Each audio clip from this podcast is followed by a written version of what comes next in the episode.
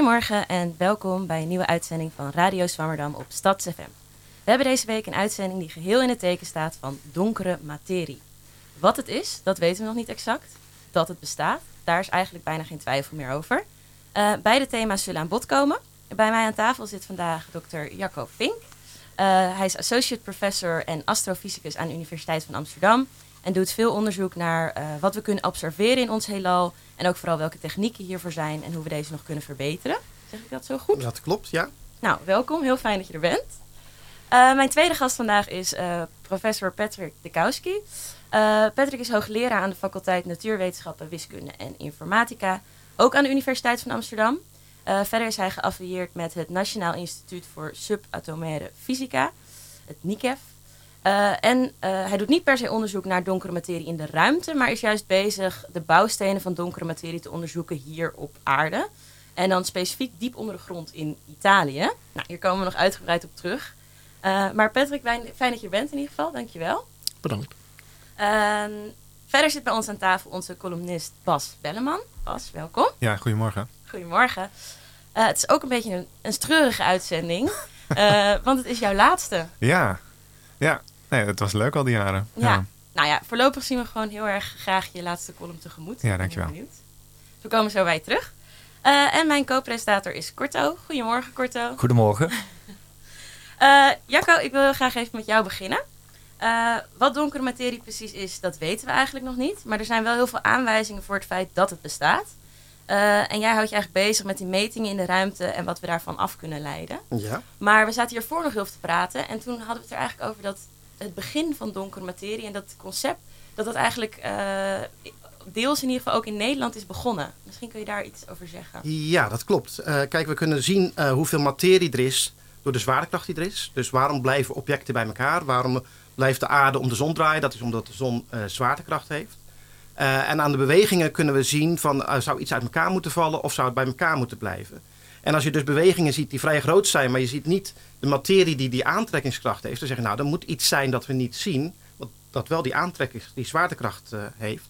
en eigenlijk al in de jaren 1900 en nog meer in de jaren 20, onder andere professor Jan Oort, die zag dat sterren vrij hoog boven het galactisch vlak gaan en ook weer terugkomen. En dat er dus in de galactisch vlak bedoelen we de melkweg, dat er in de melkweg dus meer materie moet zijn dan hij kon zien aan de hoeveelheid sterren die er waren. Dus uh, dat werd in die tijd al donkere materie uh, genoemd. Het gaat een beetje terug op kapitein, zijn, zijn leraar, die ook al iets, iets dergelijks vond. dat wil nog niet zeggen dat ze dachten van, oh, er moet iets speciaals zijn. Ze dachten misschien, misschien zijn er sterren die we niet kunnen zien, of er zijn heel veel planeten. Maar toen is eigenlijk het concept donkere materie, materie die we niet kunnen zien, is, is gekomen. En waarmee, want we hebben het over 1900, 1920, waarmee bekeken ze dat toen der tijd? Gewoon sterren en ze konden al sterbewegingen zien. Uh, en aan de hand van die sterbeweging konden ze zien, oh het gaat vrij snel. Uh, als de melkweg niet uit elkaar wil vliegen, dan moet er dus meer zwaartekracht zijn dan we hebben. Oké. Okay. En we, zijn, we hebben wat stappen gemaakt sinds die tijd.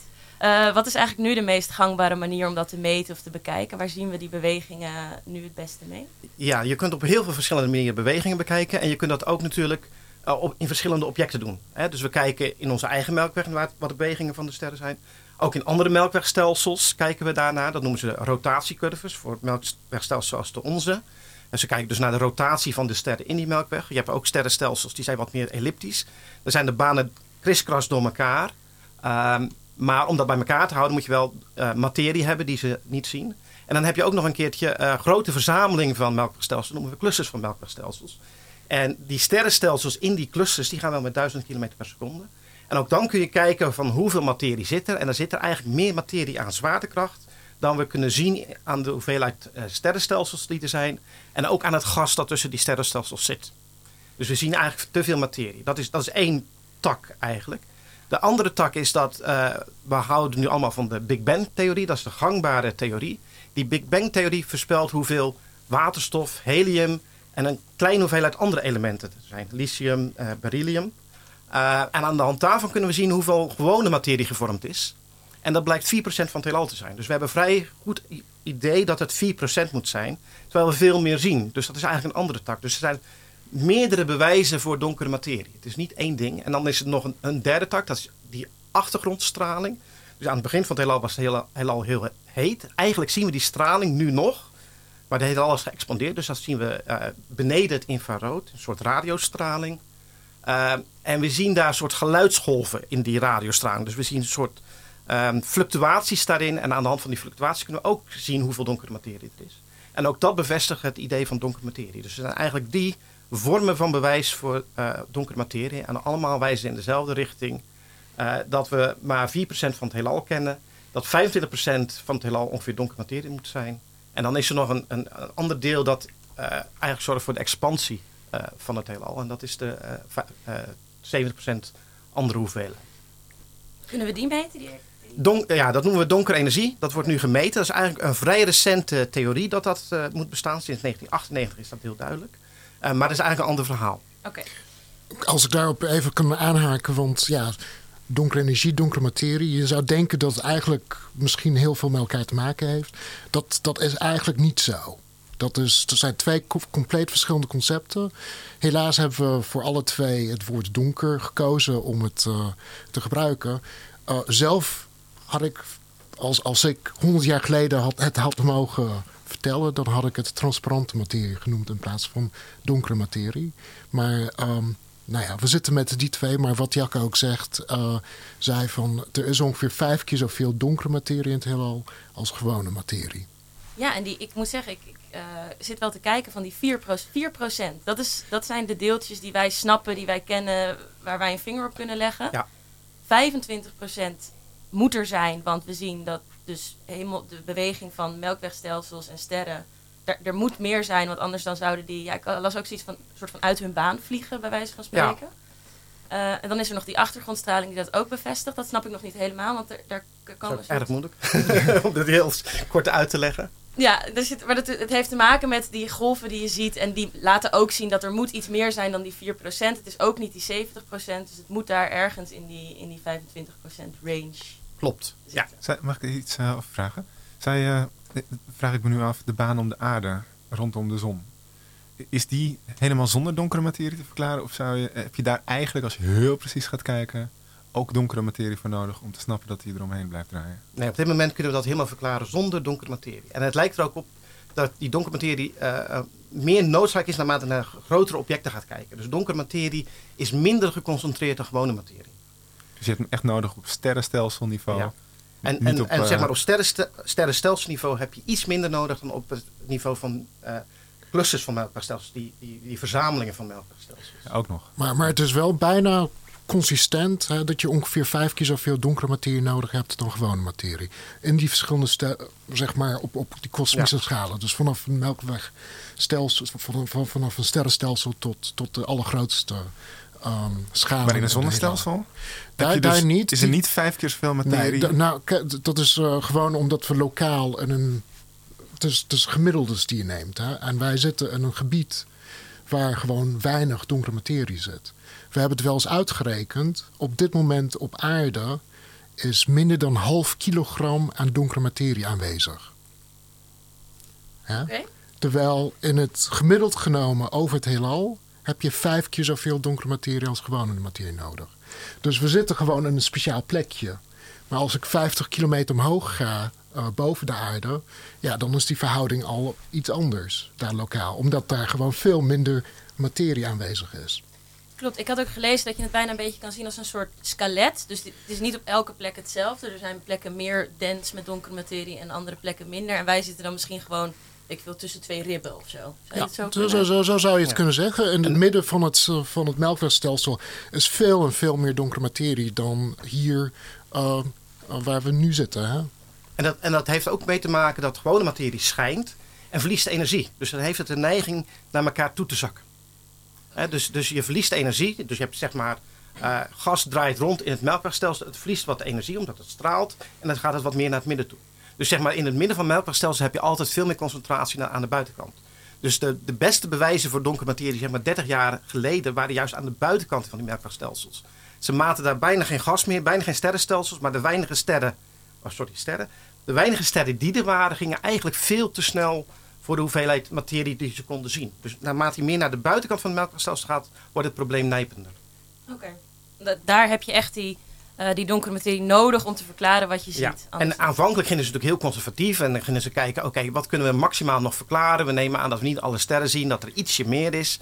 Maar eh, het was niet meer te houden, zeg maar, zodra je naar die buitenkanten van die melkwegstelsels ging. Want misschien kan je nog iets zeggen over het verloop. Dus we begonnen eigenlijk bij 1900, 1920. Er waren al wat aanwijzingen. En die worden eigenlijk steeds sterker. Wat zijn misschien de, de meest recente, sterkste bevindingen die wel echt... ehm, Ik, ik denk dat dat die achtergrondstraling is. Eh, dat wat- je in feite hebt, is dat een soort eh, ruis, eh, ge- geluidsgolven in het vroeg heelal. Die kun je zien. En die geluidsgolven worden op de een of andere manier gedempt als er te veel donkere materie is. Ehm, en wat je ziet is, je ziet die geluidsgolven, maar niet sterk genoeg als er alleen maar gewone materie zou zijn. Oké, dus er is iets wat die geluidsgolven minder... Ik ben sowieso wel verbaasd trouwens... dat die geluidsgolven, die zijn er nog steeds. Dat is ook al, dat moet ik ook even... Dus die- nou, eigenlijk zien we eh, zeg maar de geluidsgolven als een eh, imprint. We zeggen, Dus het effect van de het, effect van die geluidsgolven zien we op de achtergrondstraling.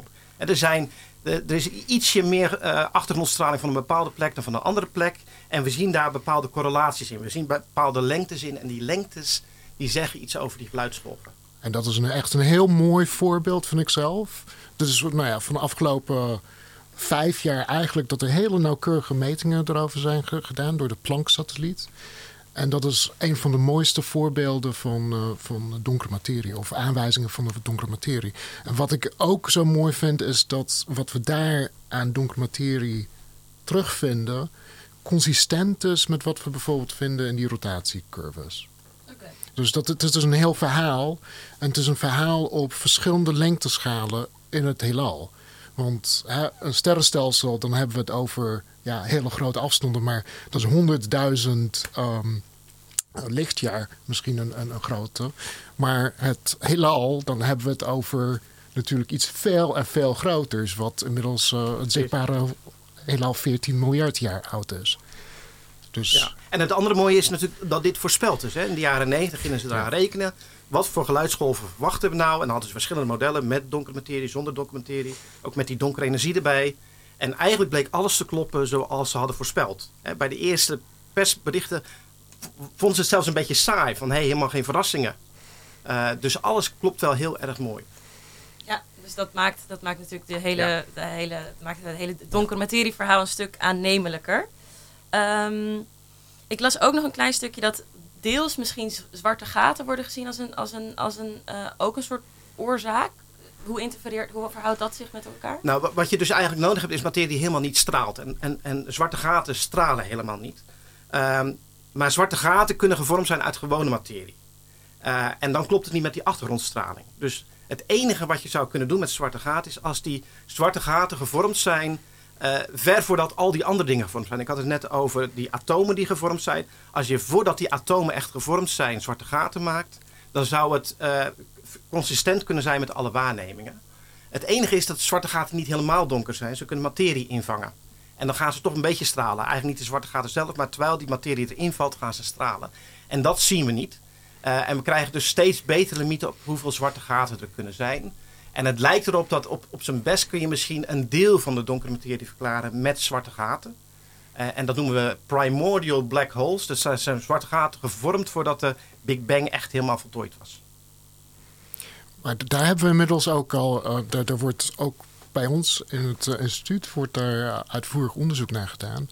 En daar zijn inmiddels best wel strikte limieten op dat het eigenlijk niet alle donkere materie kan verklaren, die primordial black holes. Want dan zouden we het andere effecten ook zien. Nou, die, omdat we die effecten niet zien, kun je dus eh, uitsluiten hoeveel die donkere materie daardoor verklaard kan worden. Ja. Dus eh, dat is een, eigenlijk, maar het is een heel actief onderzoeksgebied op dit moment. Ja, oké. dus zwarte gaten eventueel deels, maar toch nog steeds niet alles. Dus we missen, we missen nog steeds dingen en dat moet dan toch in die donkere materie zitten. Wat dat dan ook mogen zijn. Eh, misschien vind ik dat wel leuk om dan daar eh, even op door te gaan. Want dat het er is, daar lijkt het dus echt op. We zien beweging van, van, van hemellichamen. We zien eh, achtergrondstraling. Er gebeuren daar dingen die we nog niet echt kunnen verklaren. En er moet iets van zwarte materie, of donkere materie, sorry, ik mag geen zwarte materie zeggen, donkere materie, moet daar aan ten grondslag liggen. En Patrick, jij bent eigenlijk aan het onderzoeken waar die donkere materie dan eventueel uit zou kunnen bestaan. Ehm, daar wordt het voor mij altijd heel ingewikkeld, bijna een beetje on, ontastbaar. Want het is dus niet, het is niet iets wat we per se snappen. Het zijn misschien niet eens moleculen, we, we weten het gewoon niet.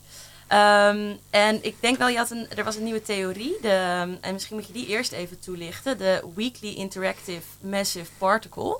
Ik denk, voordat we in jouw onderzoek duiken, is het misschien goed als je die heel even toelicht. Ja, nou, ik zal misschien even, even zeggen van... Ehm, kijk, we hebben, zoals we net besproken hebben, aanwijzingen voor het bestaan van donkere materie in ons um, sterrenstelsel ook, een melkwegstelsel.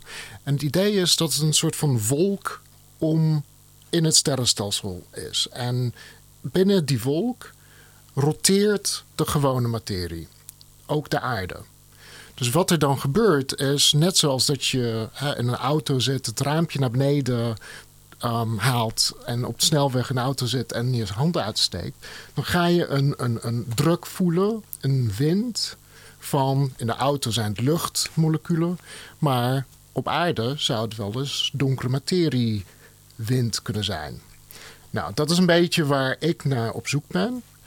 Um, die donkere materie wind zou dan dus dan de hypothese is dan dat het opgebouwd is uit deeltjes, subatomaire deeltjes, nog veel kleiner dan moleculen. We gaan ervan uit dat het een nieuw soort subatomair deeltje is. Um, we hebben natuurlijk het standaardmodel van de deeltjesfysica, wat uh, uitvoerig bestudeerd is. Hè. Op CERN doen ze daar onderzoek naar. Op het uh, instituut uh, doen ze daar onderzoek naar.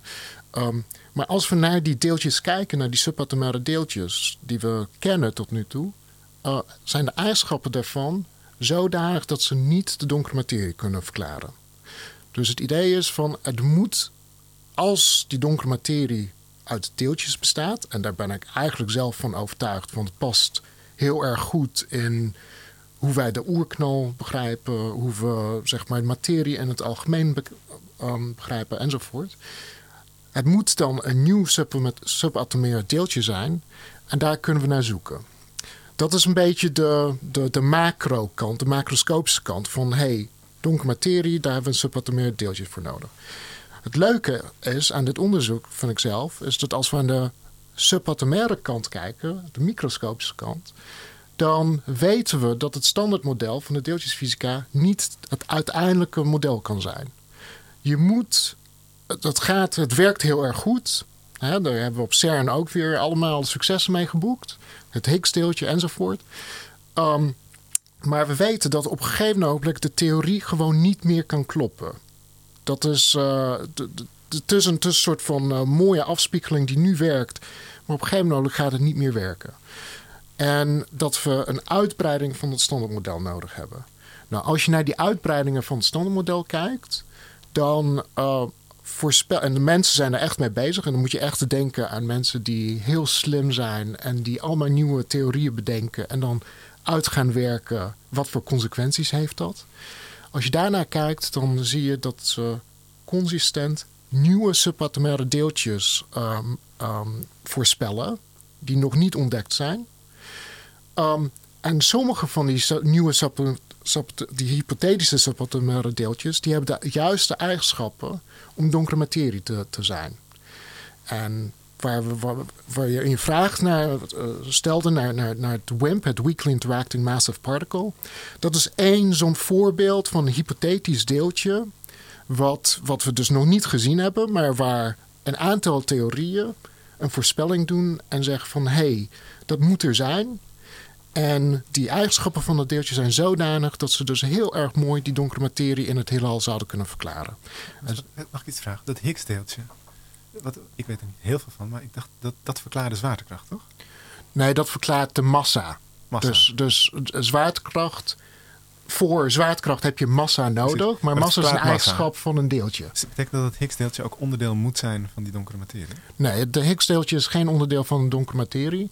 Uh, het is een, het is een, uh, een, een deeltje wat ja, een verklaring geeft aan een bepaalde eigenschap die alle, of bijna alle subatomaire deeltjes schijnen te hebben, namelijk massa. Uh, maar dat is, kan niet de verklaring zijn voor donkere materie. Maar donkere materie heeft wel massa, toch? Donkere materie heeft wel massa. Dat is, nou, dat is een goed punt, want het is wel een gecompliceerd punt. Um, het kan heel goed zijn dat uh, het Higgs-mechanisme bijvoorbeeld niet uh, uh, werkt voor donkere materiedeeltjes.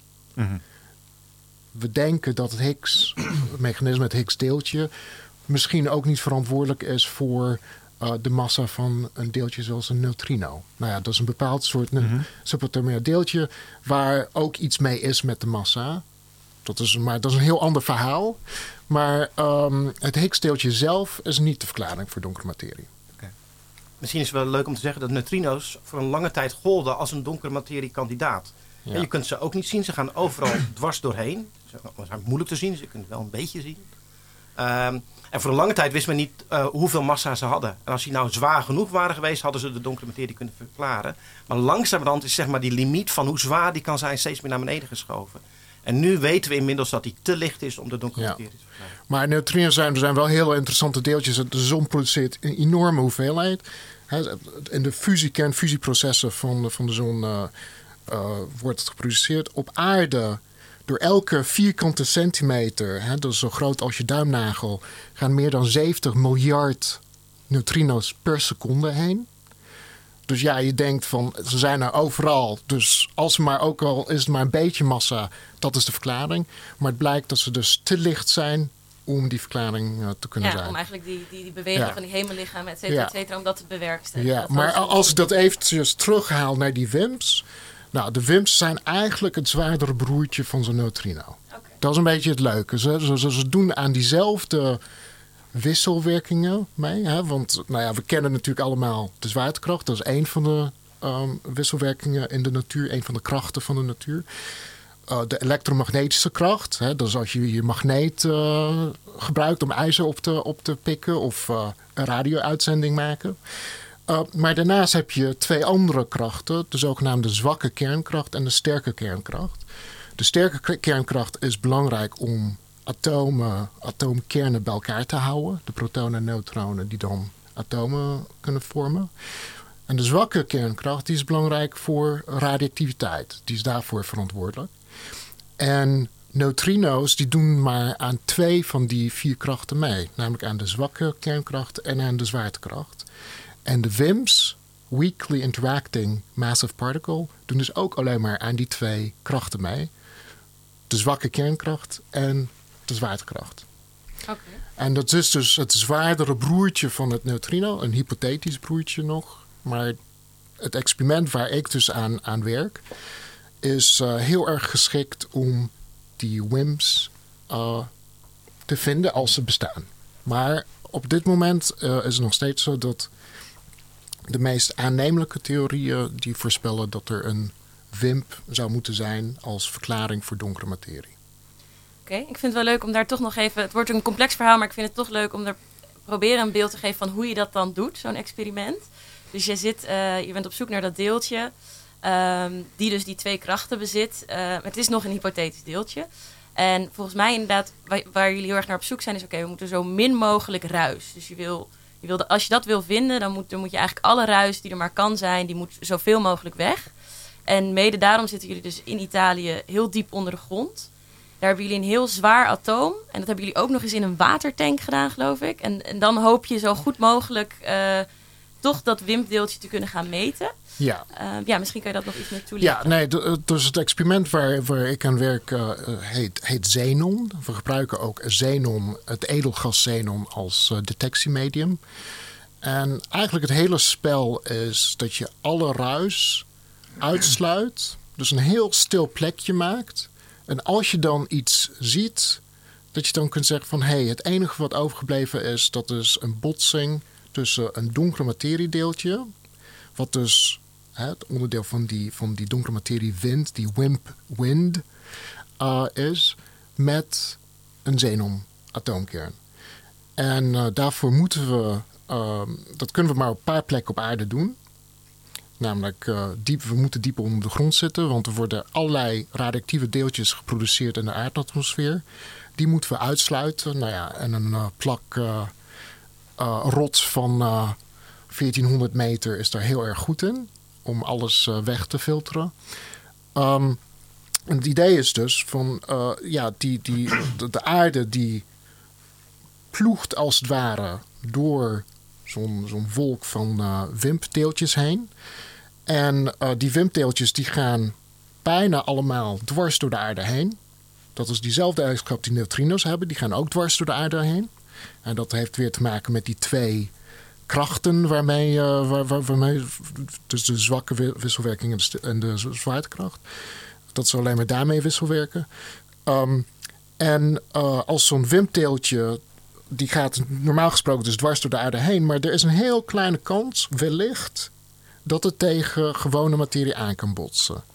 En het blijkt dat een xenonatoom, wat een heel groot atoom is, um, heeft 130 neutronen en protonen bij elkaar. Um, ja, vergelijk dat hè, met, met, met koolstof met van 12 of uh, waterstof met 1 proton. Um, het idee is van, ja, dat is dan ook gelijk een heel groot doel. En we, we, spelen eigenlijk een soort van biljartspel. Dus uh, de witte bal is het wimteeltje. En de zwarte bal is mijn xenon-atoom. Ehm, en hopelijk botst die zo nu en dan tegen die zwarte bal aan. Ik kan de witte bal kan ik niet zien. Maar ik kan wel de terugslag van de zwarte bal zien de terugslag van het xenonatoom. En het experiment zelf hebben we zo gemaakt. Dat is een heel gevoelig experiment. Dat, um, nou, xenon heeft eigenlijk een hele leuke eigenschap. Dat als zo'n xenonatoom gaat bewegen, die terugslag, dan geeft het xenon zelf een lichtflitsje. Heel klein beetje licht, maar het geeft een lichtflitsje. En we kunnen met, een, uh, met hele gevoelige lichtdetectoren kunnen we dat lichtflitsje waarnemen. Dus op die manier, hè, we hebben alles uitgesloten. Als we zo'n lichtflitsje dan zien, dan zou het kunnen zijn dat het van donkere materie is. Ja, in de praktijk is het wat, wat gecompliceerder natuurlijk. Xenon heeft nog een andere leuke eigenschap, zodat we het geeft verschillende lichtflitsjes en we kunnen uh, uh, radioactiviteit, want radioactiviteit is de gewoon natuurlijke radioactiviteit is een van die ruizen die we willen uitsluiten. Um, die geeft net een iets ander lichtflitsje dan een donkere materie deeltje zou geven. Dus dat, door dat heel nauwkeurig te meten kunnen we de nog aanwezige radioactiviteit uitsluiten. En op die manier, als we iets zien, dan kunnen we zeggen van hé, hey, dat was donkere materie. Want uh, hoe, hoe weet je dan dat dat, uh, zeg maar, wat voor lichtflits dat dan geeft? bij donkere materie. Ja, dat dus, nog niet. Ja, Want, ja, want dat hebben we nog niet gezien. Nee, precies. Nee, dat doen we um, door het na te bootsen. En het blijkt dat neutronen, het, het uh, ons bekende neutron, heeft geen lading. En um, dus het wisselwerkt met het xenon atoomkern, net zoals wat we verwachten van WIMP-botsingen. dus we kunnen neutronen door, door een, een uh, neutronengenerator te gebruiken en het op xenon te richten, kunnen we die lichtflitsjes maken. En die, die zouden eigenlijk hetzelfde moeten zijn als WIMP-lichtflitsjes uh, door WIMPs. Ja. En um, omdat gewoon de hypothese is dat het eigenlijk diezelfde wisselwerking is. Maar dat betekent dus ook, want neutronen die zijn ook aanwezig in, om ons heen. rots die, die, die stuurt een paar neutronen per seconde telkens uit. Dus dat moet je ook uitsluiten. En daar had jij het net over, Greetje. Dat um, met uh, die watertank. Nou, ons experiment is dus diep onder grond. Zit ondergedompeld in een watertank van 10 meter diameter, 10 meter hoogte. En dat water wordt voornamelijk gebruikt om die neutronen uit te sluiten. Want die neutronen, dat is een hele venijnige achtergrond. Die, dat, als je die zou zien, dan. Um, of als die aanwezig zou zijn, dan zou dat gewoon compleet uh, je signaal kunnen verstoren. En dan zou je misschien een donkere materie claim maken, terwijl dat die er niet is. Dus dat is weer zo'n voorbeeld van, ja, we, we, zijn eigenlijk experts geworden in het bouwen van filters. op hele verschillende manieren. Om alles uit te sluiten wat mogelijk een uh, signaal zou kunnen geven, wat uh, uh, niet, niet klopt. Maar tegelijkertijd gebruiken we wel die neutronen als een kalibratie, als een eikinstrument, mm. om te zien hoe donkere materie zou wisselwerken in xenon. Ja. Ja, Want in die neutronen het is nog, nog heel veel. Dus je hebt protonen, neutronen in een kern, elektronen daaromheen. Dan heb je een atoom. En het gebruik van die neutronen is dus omdat het nul lading heeft. En we verwachten, we verwachten dat donkere materie ook eigenlijk nul lading heeft. Ja, de donkere materie moet nul lading hebben. Anders zou het aan die elektromagnetische kracht uh, meedoen. Ja. En het gaat dwars door de aarde heen, dus dat is niet zo. Ja, en daarnaast, als het lading zou hebben, dan zouden we het kunnen zien. Dan zou Jacco dat met zijn instrumenten heel goed kunnen zien. Wat misschien nog, ook nog wel aardig is, uh, het heet Weakly Interesting Massive Particle, dus het moet vrij zwaar zijn. En dat kunnen we ook astrofysisch zien dat het vrij zwaar moet zijn. Als je zeg maar een lichtdonker materie deeltje hebt, en dan moet je er dus veel meer van hebben dan als het zwaar is. Um, dan vormen in het heelal zich eerst een grote schaalstructuur. Dan krijg je dus eerst een hele grote constructie die langzamerhand uiteen gaan in kleinere delen. Als je nou een zwaar donker deeltje hebt, dan krijg je eerst kleine structuren die langzamerhand groeien door aan elkaar te, te, gaan klitten, om het zo maar te zeggen. Uh, en nu we steeds beter verder weg in het heelal kunnen kijken, zien we dus dat sterrenstelsels langzamerhand gevormd worden en steeds groter worden en dan uh, verzamelingen van sterrenstelsels vormen. Dus je hebt zeg maar een, een bottom-up. Je wordt van klein naar groot in, het, in de loop van het heelal, in plaats van groot naar klein. En als je dus een, een, een niet zo'n zwaar deeltje zou hebben, zou het precies de andere kant op gaan. Dus we kunnen ook de eigenschappen van documenteren een beetje zien aan hoe sterrenstelsels en, en clusters van melkwegstelsels zich vormen. Ja, dat, komt weer, dat doet mij weer dan in ieder geval een klein beetje denken aan dat skelet van donkere materie. En uh, nou ja, op basis van hoe dat lichaam er dan uiteindelijk uitziet, uh, kan je ook iets zeggen over dat. Of, uh, dat skelet maakt hoe ja, dat lichaam klopt. eruit ziet eigenlijk. Soort ja. van. Oké. Okay. Nou, ik, ik vind het super interessant allemaal. Maar ik ben ook heel benieuwd naar onze column. En we gaan straks nog even met z'n allen hier flink over doorpraten. Maar Bas, misschien wil jij ons even je column voordragen. Ja, doe ik. Doe ik. Ja, donkere materie. Wat je, wat je niet kunt zien, is dat donker. Het zei het al, je zou het ook transparant kunnen noemen, of onzichtbaar. Maar dat heeft niet dezelfde allure.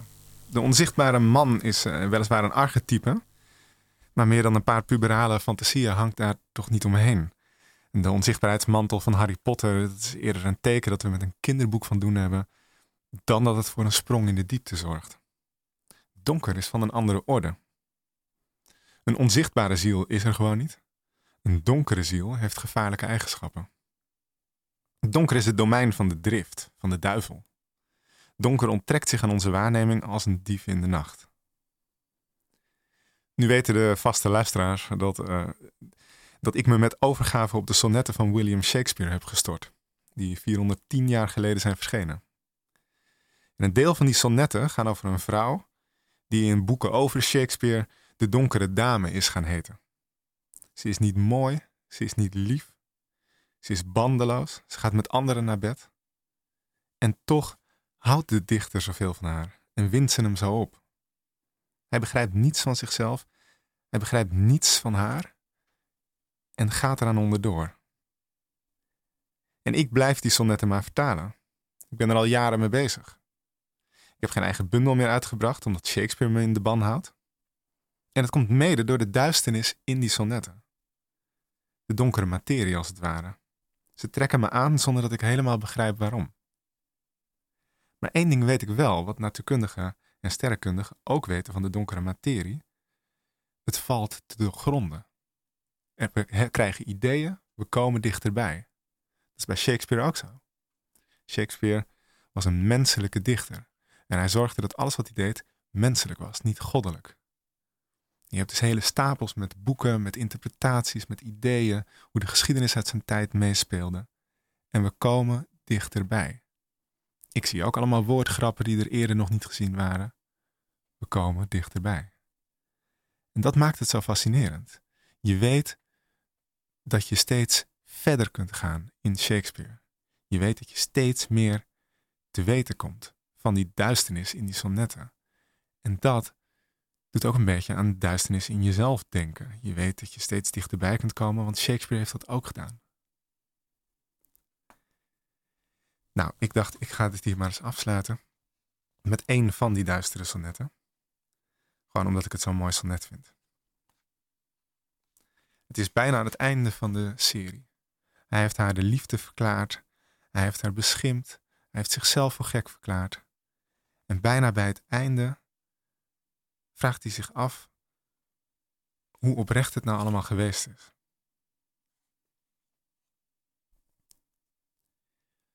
Je weet wie ik bedrieg door van jou te houden. Maar jij bedriegt het dubbelop.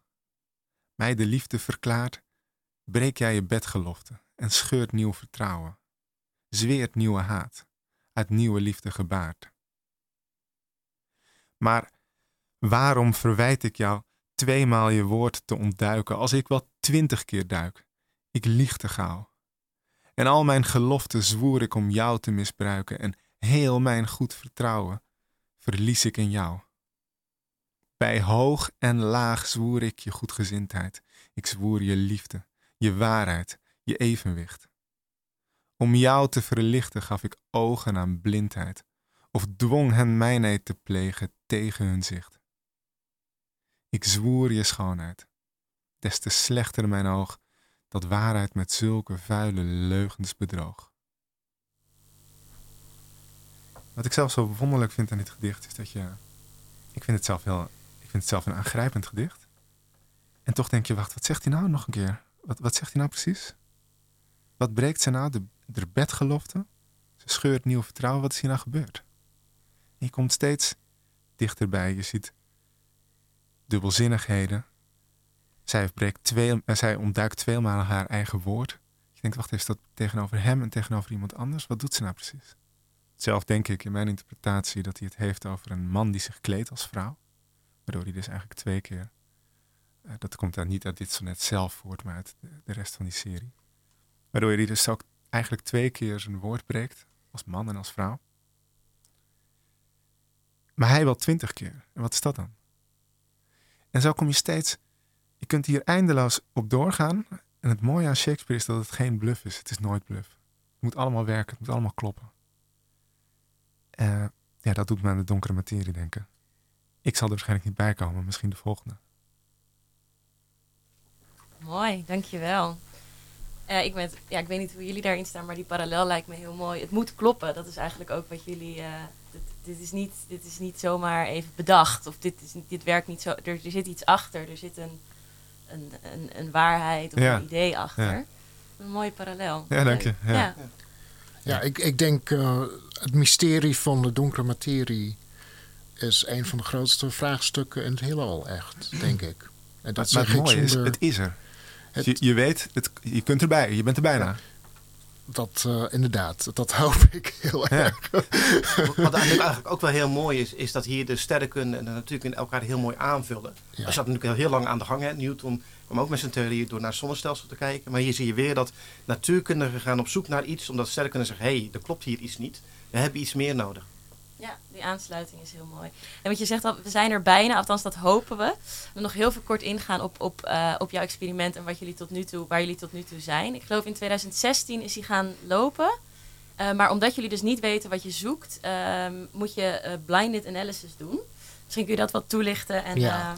ja, we zijn. Het gaat om het experiment wat Xenon 1 ton heet. En die 1 ton dat is een verwijzing naar hoeveelheid xenon. En in werkelijkheid hebben we eigenlijk 3,2 ton xenon. Dus natuurkundigen kunnen niet heel goed uh, tellen, denk ik. Um, dat was het experiment wat in 2016 uh, van start is gegaan. Um, dat hebben we inmiddels, afgelopen maand, hebben we dit, dit, experiment afgesloten. Omdat we een nieuw experiment gaan bouwen met uh, eh, 8,4 ton en xenon. En uh, omdat we nog steeds niet goed kunnen tellen, hebben we dit experiment maar Xenon N-ton genoemd. Iedereen mag die N zelf invullen. Um, maar um, even, dit is om te schetsen van, ja, dit is een, een, een voortlopende zoektocht. Helaas hebben we tot nu toe dus geen aanwijzingen voor donkere materie gevonden. Maar uh, het, ja, we weten niet wat de natuur ons geeft. Dus uh, daarom bouwen we een groter experiment wat nog gevoeliger zal worden. Dus ongeveer tien keer zo gevoelig als het huidige, of eh, het, het voormalige, het Xenon 1 ton experiment was. Zal het volgende experiment zal dus tien keer zo gevoelig worden. Uh, en daarmee hopen we dus wel iets te kunnen zien. Een van de dingen waar je, waar je tegenaan loopt um, in dit soort analyses is, ja, hè, we willen heel graag die donkere materie vinden. En je moet je zelf beschermen dat je niet uh, bij je selectiecriteria. Want ja, je moet altijd naar het, het, instrument dat we zelf gebouwd hebben. dat produceert data. Die data wordt geanalyseerd met software die we ook zelf gemaakt hebben. En ja, je wilt. Het, we zijn ook natuurkundigen en, en mensen. En je wilt voorkomen dat je selectiecriteria gaat maken die, uh, waardoor je een claim gaat doen van donkere materie, terwijl die eigenlijk niet hoort te zijn. Je kunt het heel goed vergelijken met wat medici doen. Als, als je een uh, nieuwe, uh, nieuw medicijn gaat testen, dan is de goudstandaard eigenlijk een double-blind experiment. Hè? Nog de arts, nog de patiënt weet of, het, of, of die patiënt een medicijn of een placebo toegediend krijgt. Wij proberen zoiets soortgelijks te doen door alle selectiecriteria uh, vast te stellen zonder naar ehm, het gebied van de data of de data te kijken waar we een materie signaal zouden verwachten. Dus alles, we moeten eerst de hele detector heel goed begrijpen. Van, met, met, met, met calibratiesignalen, met achtergronden enzovoort. Dat moeten we allemaal goed begrijpen. Die selectiecriteria worden dan vastgelegd. En pas helemaal aan het einde, dan het is het alsof we een gordijn wegtrekken en dan kijken van is er iets of is er niet iets. Nou, en dat is uh, uh, tot nu toe, dus afgelopen experiment, uh, hebben we dat gordijn weggetrokken en hadden niks gezien. Ben je wel eens bang dat het allemaal vergeefs is? Dat je jaren bezig bent ja, en niks gaat vinden? Nou, maar wij, ja, kijk, ik doe dit onderzoek voor een ontdekking. Ja. Ik wil natuurlijk donkere materie vinden. Maar het feit dat we nog net niet iets gevonden hebben, is ook vooruitgang in kennis en wetenschap. Want we weten dan van daar is het in elk geval niet. Dat is niet, is misschien een beetje een flauw antwoord. Maar dat, weet je, daardoor wordt er wel wetenschap uh, vooruitgedreven. Een aantal theorieën die voorspellen van, nou ja, die wimpteeltjes, die moeten die en die eigenschappen hebben als wij kunnen zeggen van nee, daar, die, die eigenschappen hebben uitgesloten, betekent het dat die theorie afvalt. Waardoor je dus verder in de wetenschap komt. Maar kijk, ik, ik wil natuurlijk heel graag donkere materie gewoon vinden. En ik denk dat ons experiment daar heel erg uh, uh, goed, een goede kans in heeft. Maar ja, ik weet niet wat de natuur ons geeft.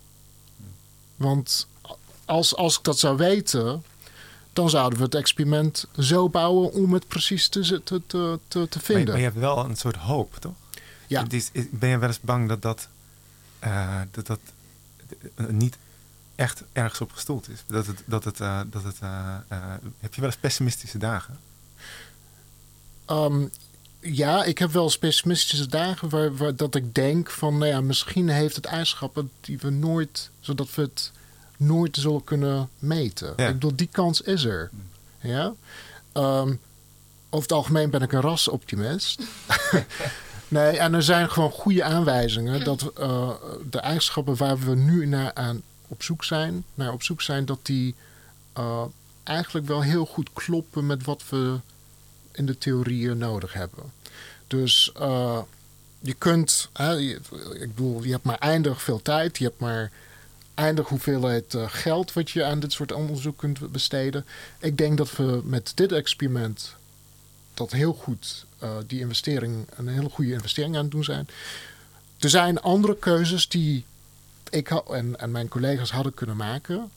Um, gelukkig worden die door andere mensen uh, ook gedaan. Ik, er is een, een, een, een, een, een donkere materie kandidaatdeeltje wat het Axion heet. Nou, daar heb ik zelf ook wel een zwak hart voor. Um, dat is een heel, heeft hele andere eigenschappen dan WIMPs. Maar zou ook heel goed donkere materie kunnen verklaren. Maar uh, het is wel, even kijken, 10 tot de 18e keer lichter dan het WIMP-deeltje waar ik naar op zoek ben. Dus mijn experiment zal het nooit vinden. Maar anderen zouden dan wel misschien iets kunnen vinden. Dus um, dit is een, een wereldwijde zoektocht. En uh, dus, er zijn ongeveer, nou ik zou zeggen ongeveer zes experimenten die naar donkere materie zoeken, die soortgelijk zijn aan die van onze. Maar uh, onze is verreweg het meest gevoelig. We zijn echt de wereld, wereldleider met, met xenon 1 ton. Um, er zijn mensen die naar donkere materiedeeltjes op CERN zoeken bij de LHC. Want je zou ook donkere materie kunnen produceren in de botsingen die ze daar hebben. En er zijn mensen, dat zijn veel meer Jacco's collega's, die naar signalen van donkere materie kijken um, in, het, uh, in, sterrenstelsels bijvoorbeeld. De zogenaamde indirecte zoektocht naar uh, donkere materie. Mijn soort experiment heet een directe zoektocht naar donkere materie, omdat we echt naar de botsingen tussen gewone materie en donkere materiedeeltjes kijken. Die indirecte botsingen, wat, wat, je, wat je dan eigenlijk aanneemt, is dat donkere materie bestaat uit zowel donkere materie als antidonkere materie. Ieder deeltje heeft zijn eigen uh, antimaterie. Dus je hebt het elektron en het positron die zijn waargenomen. Je hebt het proton en het antiproton die zijn waargenomen. Het idee is dat donkere materie ook in die twee vormen komt. En het kan zelfs zijn, dat heet de Majorana deeltje, dat een deeltje zijn eigen antimateriedeeltje is. Als die twee elkaar ontmoeten, en die kans is heel zeldzaam omdat die deeltjes elkaar bijna niet detecteren, zeg maar. Maar als ze elkaar ontmoeten, moeten ze ook een signaal afgeven dat uiteindelijk een lichtflitsje te zien moet geven.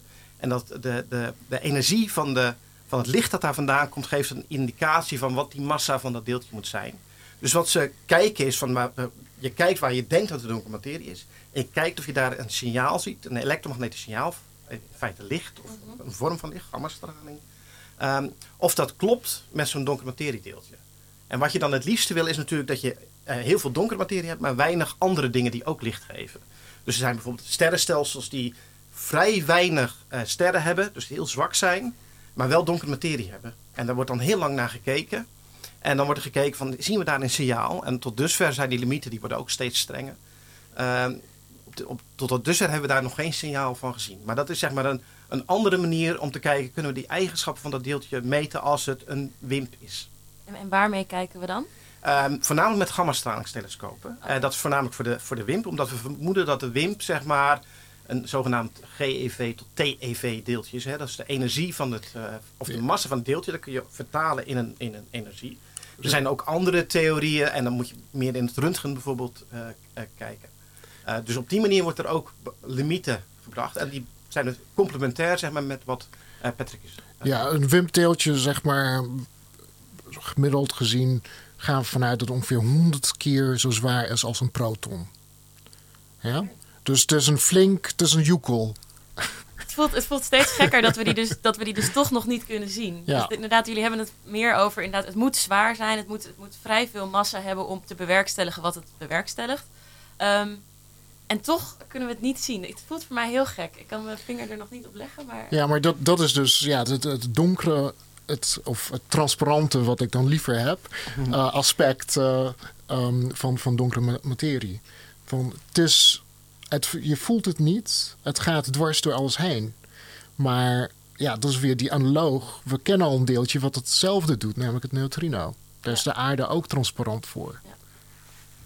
Maar en die neutrino's zijn een stuk lichter? Ja, die zijn echt vele, vele malen lichter. Die zijn, die zijn um, ja, zoals we het nu zien, zijn ze ongeveer een miljard keer lichter dan protonen. En waarom helpt het ons om, te, om ervan uit te gaan dat die donkere materie sowieso dwars, dus dat het niet die uh, kernkrachten heeft, maar dat het dus dwars door ons heen gaat? waarom hebben we dat nodig, dat het dat kan? Omdat het anders uh, de eigenschappen niet zou hebben die we van donkere materie nu zien. Het moet de eigenschap hebben dat het nauwelijks met gewone materie wisselwerkt. Anders hadden we het gewoon uh, al, al in, in, het heelal gezien. Dan had uh, Jacco's collega's hadden dat al gezien. Het wisselwerkt ook bijna niet met zichzelf. Hè? Dus er is één heel beroemd voorbeeld, dat noemen ze de bullet clusters. Uh, een verzameling van sterrenstelsels. En daar zit dus donkere materie in. Maar deze bullet cluster is eigenlijk twee van die clusters die op elkaar gebotst zijn. En wat die donkere materie deeltjes doen, die gaan eigenlijk dwars door elkaar heen. Dus die, die oscilleren zeg maar door elkaar heen. er zit ook heel veel gas daar. Dat gas heeft wel normale wisselwerkingen. Dus dat botst en dat blijft een beetje in het midden hangen. En dus wat ze zien is dat het gas in het midden zit. En met een bepaalde techniek, uh, door de buiging van licht, kunnen ze zien waar die donkere materie zit. Hè. Donkere materie buigt ook licht af vanwege de zwaartekracht. En ze zien dus dat er twee concentraties van donkere materie zit aan de weerskanten van die cluster. Uh, dus dat betekent die, die donkere materie is door elkaar heen gegaan en dat gas is een beetje in het midden blijven steken omdat dat wel botst. En op die manier kunnen ze ook iets zeggen van wat is nou de kans dat die donkere materie met elkaar botsen en dan van baan veranderen. En die is dus heel klein. Ja, miniem. Echt miniem is die. Zeg Echt maar. miniem, ja. Oké, ja, super.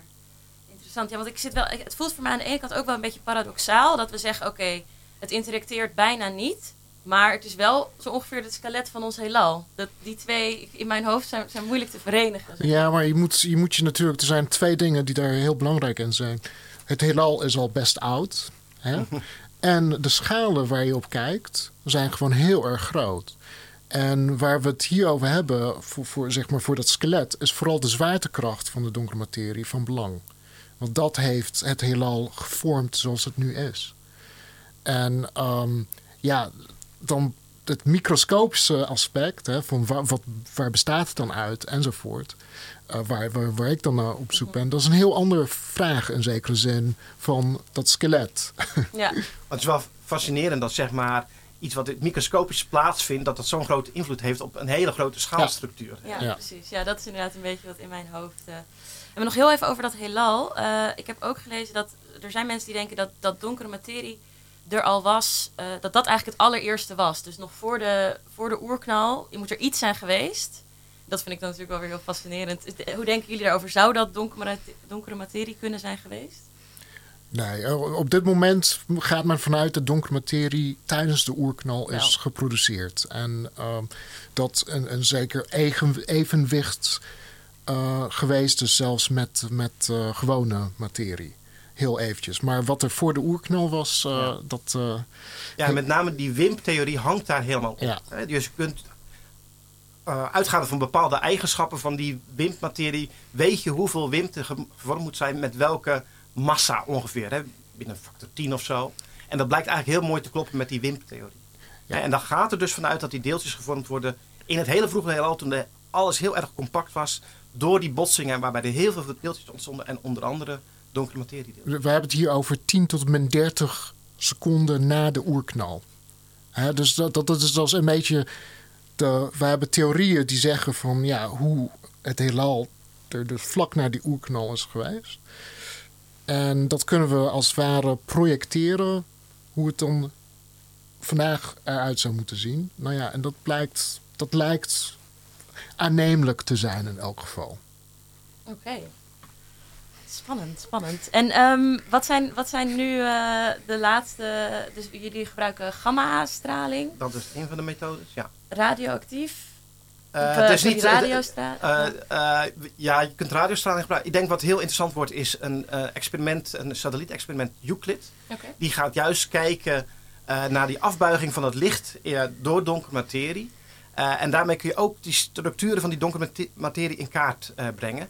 En dat, dat noemen ze zogenaamde zwakke lenswerking. Als je sterke lenswerking hebt, zie je hele sterk vervormde sterrenstelsels. Bij de zwakke zie je eigenlijk gewoon een kleine vervorming van die sterrenstelsels. Kun je eigenlijk niet per sterrenstelsel zien, maar wel statistisch. Als je heel veel bij elkaar ziet, zie je dat er bepaalde patronen zijn in hoe die sterrenstelsels vervormd zijn. En op die manier kun je de donkere materie in kaart brengen. En kun je dus die eigenschappen van donkere materie, maar ook van die donkere energie, die juist het heelal uit elkaar scheurt, die kun je dus in kaart brengen daarmee. Ik denk dat dat een van de belangrijke experimenten wordt in de nabije eh, toekomst. Oké, en over welke, eh, voor mijn beeld, eh, over welke afstanden moeten we dan denken? Hoe ver kijken we de ruimte in? Nou ja, zeg maar, de dichtstbijzijnde eh stelsels staan op ongeveer een megaparsec. Maar hier moeten we meer denken... ah, ja, sorry. eh, dat moet, eh, ik even vertalen hoor. Dan Een megaparsec eh, is zeg maar miljoenen- drie, biljoen- 3 eh, miljoen lichtjaar. 3 miljoen lichtjaar. En we moeten eigenlijk gaan denken, zeg maar, een miljard lichtjaar. Dan wordt het interessant. Eh, en het heelal is zeg maar in totaal de doorsnede ongeveer 14 miljard lichtjaar. Dus je, je, kijkt over miljarden lichtjaren afstand. En voor die, eh, wat je met zeg maar, dat, dat Euclid ziet, is eh, een beetje daartussenin. Dus er moeten sterrenstelsels daartussen zitten met donkere materie die, dat licht van sterrenstelsels die erachter lichten verbuigen. En op die manier kun je dus dat in kaart brengen. Oké, oké. En, eh, oké, dus dat, en dat duurt nog wel. eh, kijken we dan ook in de, um, een soort van in het verleden? Dat hoor je dan Ja. vaak. Dus je, je, wat je ziet, het, het kost natuurlijk Ja. tijd voor dat licht om hier te komen. Dus wat Ja. we zien is niet helemaal. Dus als je naar de achtergrondstraling kijkt, dan kijk je dus terug naar de, zeg maar het jonge heelal toen het 14 miljard jaar oud was, 13,6 om precies te zijn. Eh, en hoe, hoe verder je wegkijkt inderdaad, hoe, hoe, hoe meer je terugkijkt in het heelal. En een van de aannames die je doet, en die blijkt altijd wel bevestigd te zijn, is dat natuurlijk het heelal statistisch gezien overal hetzelfde is. Hè? Dus als, als je, je kijkt ook wel naar een andere plek van het heelal. Hè? Je kijkt niet terug naar je eigen plek in het heelal, maar naar een andere plek. En wel hoe het heelal toen de tijd was. Nou. Heren, ik wil jullie heel erg bedanken voor jullie komst. Ik hoor uh, de eindtune alweer in mijn oor, dus dat betekent dat we helaas moeten gaan afsluiten. Super bedankt voor jullie, uh, voor jullie inzichten. Het is in ieder geval mij een stukje duidelijker geworden. Ik weet niet, uh, Korto. ja, heel interessant, maar ja, zeker. Ja. Ja. Fascinerend. Uh, ik wil Bas nog even in het bijzonder bedanken voor eigenlijk al zijn columns tot nu toe. En deze column ook in het bijzonder. Prachtig verhaal. Sloot naar mijn idee heel mooi aan. Een hele mooie toevoeging. En uh, het ga je heel goed. Ja, en dankjewel. dankjewel voor, voor het hier altijd zijn. Graag gedaan. Uh, Patrick Dekowski, Jacco Vink, heel erg bedankt voor jullie komst en deze uitleg over uh, donkere materie. Um, nou, uh, de techniek was vandaag in de handen van Aafke. En mijn co-host was dus Korto. Later vanmiddag kunt u de hele uitzending terugluisteren via de website www.radioswammerdam.nl of via onze podcast op iTunes, Soundcloud of waar je het liefst je podcast luistert. Like ons op Facebook, volg ons op Twitter, Instagram en wil je reageren, vinden we dat heel leuk. Stuur een mailtje naar redactie.radioswammerdam.nl. Mijn naam is Geertje Thijsma. U luistert naar Radio Zwammerdam en voor nu een hele fijne zondag.